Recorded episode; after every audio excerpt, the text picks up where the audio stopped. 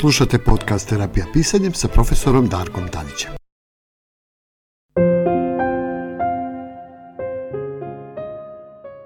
Dobrodošli u podcast terapijskog pisanja. Danas ćemo da govorimo o tome ko su i šta su osjetljivi ljudi. Kako se osjetljivi ljudi, senzitivni ljudi kako ih često zovemo, mogu lakše i bolje da nose sa životom uz pomoć terapijskog pisanja. Slušajte i uživajte.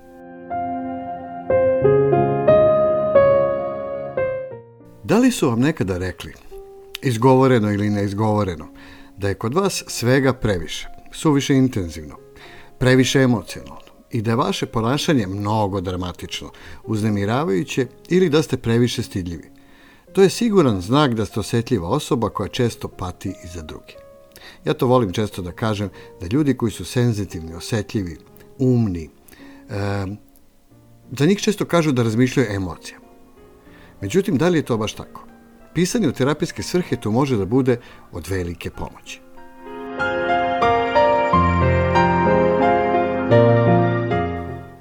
Ljudi koji e, osjećaju vrlo duboko i intenzivnije nego drugi ljudi, mnogo su svesni brojnih detalja života. Oni obrađuju informacije u glavi i preživljavaju ih mnogo dublje nego ostali. Za njih često kažu da su suviše osetljivi i brižni. U najboljem slučaju mogu imati izuzetnu percepciju, intuiciju i uvek su pažljivi posmatrači događaja u njihovom okruženju. Nažalost, to često proizvodi veliku patnju jer su preplavljeni društvenim trzavicama, ličnim problemima i emocionalnom, e, emocionalnom i mentalnom energijom drugih ljudi. E, takve ljude često možemo da sretnemo u umetnosti, vrlo su kreativni, E, stalno su nešto inovativni i tako dalje i oni su svuda tu oko nas. Ali da li ih stvarno primećujemo na pravi način? Pitanje je veliko.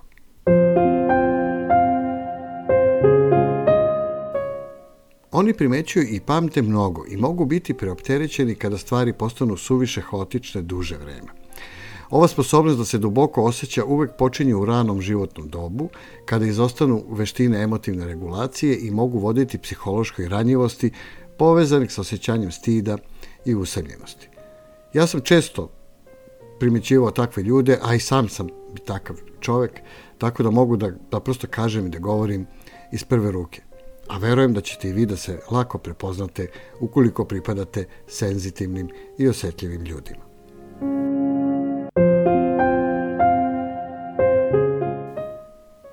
Ako ste osetljivi, to znači da imate svest o tome da ste drugačiji i možete se prepoznati recimo u sledećem.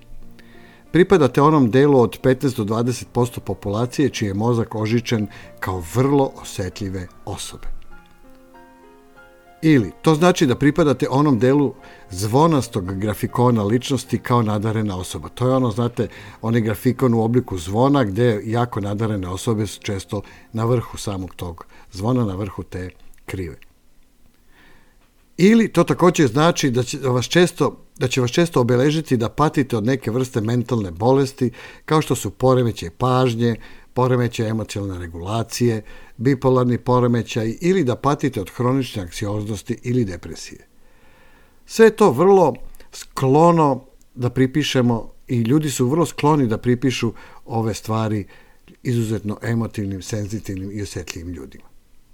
Ali ovi ljudi zapravo su često i svetionici kreativne energije, dobrih ideja, napretka, mentalnog zdravlja, ali nažalost, izdvajajući se od većine, često ostaju neprimećeni ili im nalepe neke pogrdne etikete i onda to bude uzrok njihove patnje i zaostatka u duhovnom i ličnom rastu i razvoju.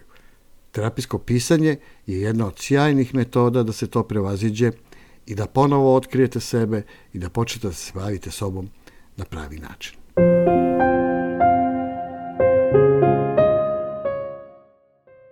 Emocionalno setivi ljudi imaju izuzetnu percepciju, sposobnost empatije, dubokih osjećanja, bogat unutrašnji svet, vrlo razvijenu maštu i intelektualnu radoznalost. A to su sve sjajne osobine, mora da priznate, zar ne? Duboka, nažalost, senzitivnost nije baš i neka poželjna osobina u današnjem društvu, a generalno gledano i u populaciji od kad je sveta i veka. A zašto? Zato što su ovakvi ljudi uvek različiti. Imaju sposobnost postavljanja glupih, pod navodnicama, pitanja, zato često smetaju drugima koji ne mogu da se sakriju pred njima. Nažalost, nerazumevanje sebe i sudari sa nerazumevanjem okoline često proizvode veliku patnju i može da vodi u depresiju, slabo samopoštovanje, nemogućnost komunikacije i unutrašnje praznine.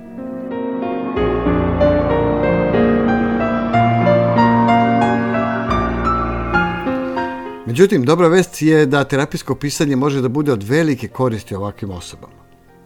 Pisanje kao terapijski kreativni čin pomaže da se ostvari unutrašnja komunikacija, bolje razumeju sobstvene misli i emocije i da se otkriju koreni vaše različitosti u odnosu na druge ljude.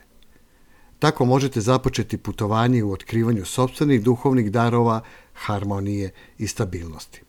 A ja lično mislim zaista da je to najveće blago ljudskog života. I vidjet ćete, odjednom će vaša cela životna istorija dobiti smisao shvatit ćete da mnogo stida i depresije potiče od nerazumevanja i pogrešnih uverenja, slabe komunikacije sa vašim unutrašnjim bićem i nepoželjnim tuđim komentarima vaših jednostavnih kvaliteta, a naročito zbog straka drugih ljudi od onoga što im je nerazumljivo ili nepoznato. I ljudi su od bili takvi, jesu i biće. U suštini vaša velika percepcija, intuicija, širina i osetljivost je izuzetno dragocena kada je prepoznate kao takvu. I nemojte odustati od sebe nikada. Pišite, stvarajte, komponujte, slikajte, bavite se sobom i samim tim ne samo da unapređujete sebe, već unapređujete i svet oko sebe. I dajete svima nama predivan poklon koji zaista nema cenu. Kada počnete sa terapijskim pisanjem, tada možete započeti putovanje u otkrivanju sobstvenih duhovnih darova, harmonije i stabilnosti. A to je siguran put u razvoju sobstvenih potencijala i kvalitetnijeg života. Pišite i dajte nam vaše poklone.